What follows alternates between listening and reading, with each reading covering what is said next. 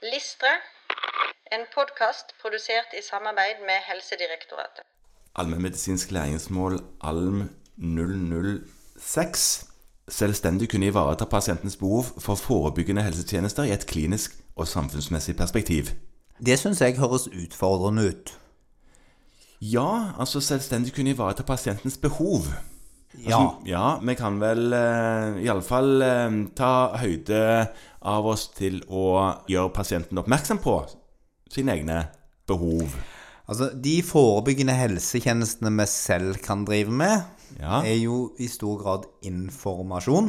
Og andre forebyggende tiltak driver jo fastlegene lite med når du ser på hva hva man tenker på da. For hvis du tenker på forebyggende helsetjenester da, så er det i stor grad pasientretta atferdsendringer.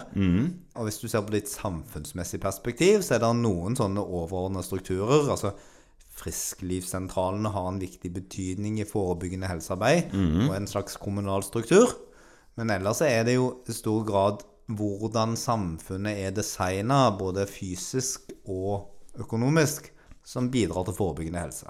Det handler jo om et, å bedre den totale folkehelsen i regionen. Ja, læringsmål er jo pasientretta, men når det gjelder mange av de tiltakene som forebygger helse, Ja. så syns jeg det er viktig at man får reflektert litt rundt hva er det som påvirker det. Og da er det jo ofte store ting. Da er det hvor, hvor lett det er å sykle, hvor lett det er å gå, hvor lett det er å være fysisk aktiv, og hvor billig det er å kjøpe sunn mat. Ja, men dette høres jo ut som om, som om det, det, det er forhold ved kommunestrukturen som fastlegene historisk sett ikke har den største innvirkningen på. Nei, da må man bli politiker. Ja, eller sitte veldig og rope veldig høyt i samfunnsmedisinsk stab i kommunen. Ja. Men det som jeg tror her, er at man skal sikre seg at man har mulighet til å veilede pasienten i forebyggende helsearbeid, Ja, og husk å gjøre det òg. og huske å gjøre det. Ja. Eh, Og skaffe seg oversikt over hvilke strukturer det er i kommunen som kan bidra til dette.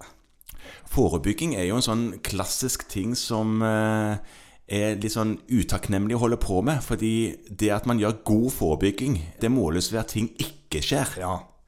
Og så kan man løfte det til et litt større perspektiv, ikke sant? Og da skal man jo være klar over at noen av de som gjør den største jobben på akkurat dette punktet, er jo helsestasjonen i kommunen. Ja visst. De driver med svært forebyggende helsearbeid Ja.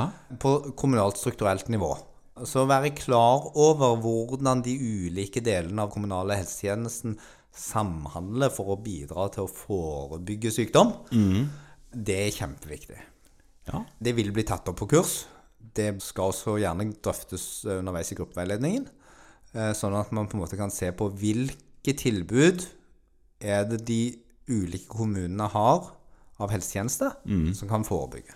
Og du som fastlege må jo vite om eh, hva tilbud som er i den kommunen du opererer i, for å kunne veilede pasienter i dette. Ja, og på den måten ivareta pasientens behov. Ja, Og sikre at eh, folkehelsen ivaretas i samfunnet der du jobber. Ja, ofte brukes eh, begrepene grupperetta og individretta forebygging når man snakker om dette temaet.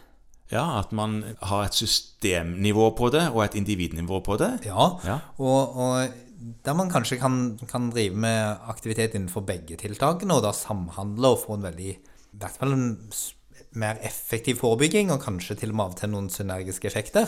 For eksempel, innen hva, hvordan kunne dette sett ut? Ja, altså Et eksempel som, som er helt reelt, det er røykeslutt. Eh, Der, der em, samfunnet da driver med tiltak på nasjonalt nivå, eh, og der det ofte da drives grupperettede tilbud i kommunen. Ja, Og der em, fastleger og andre helsearbeidere driver med individrettede tiltak. nettopp. Så det er et eh, eksempel. Så er det sikkert flere som en kan ta oss og gruble litt over og reflektere rundt.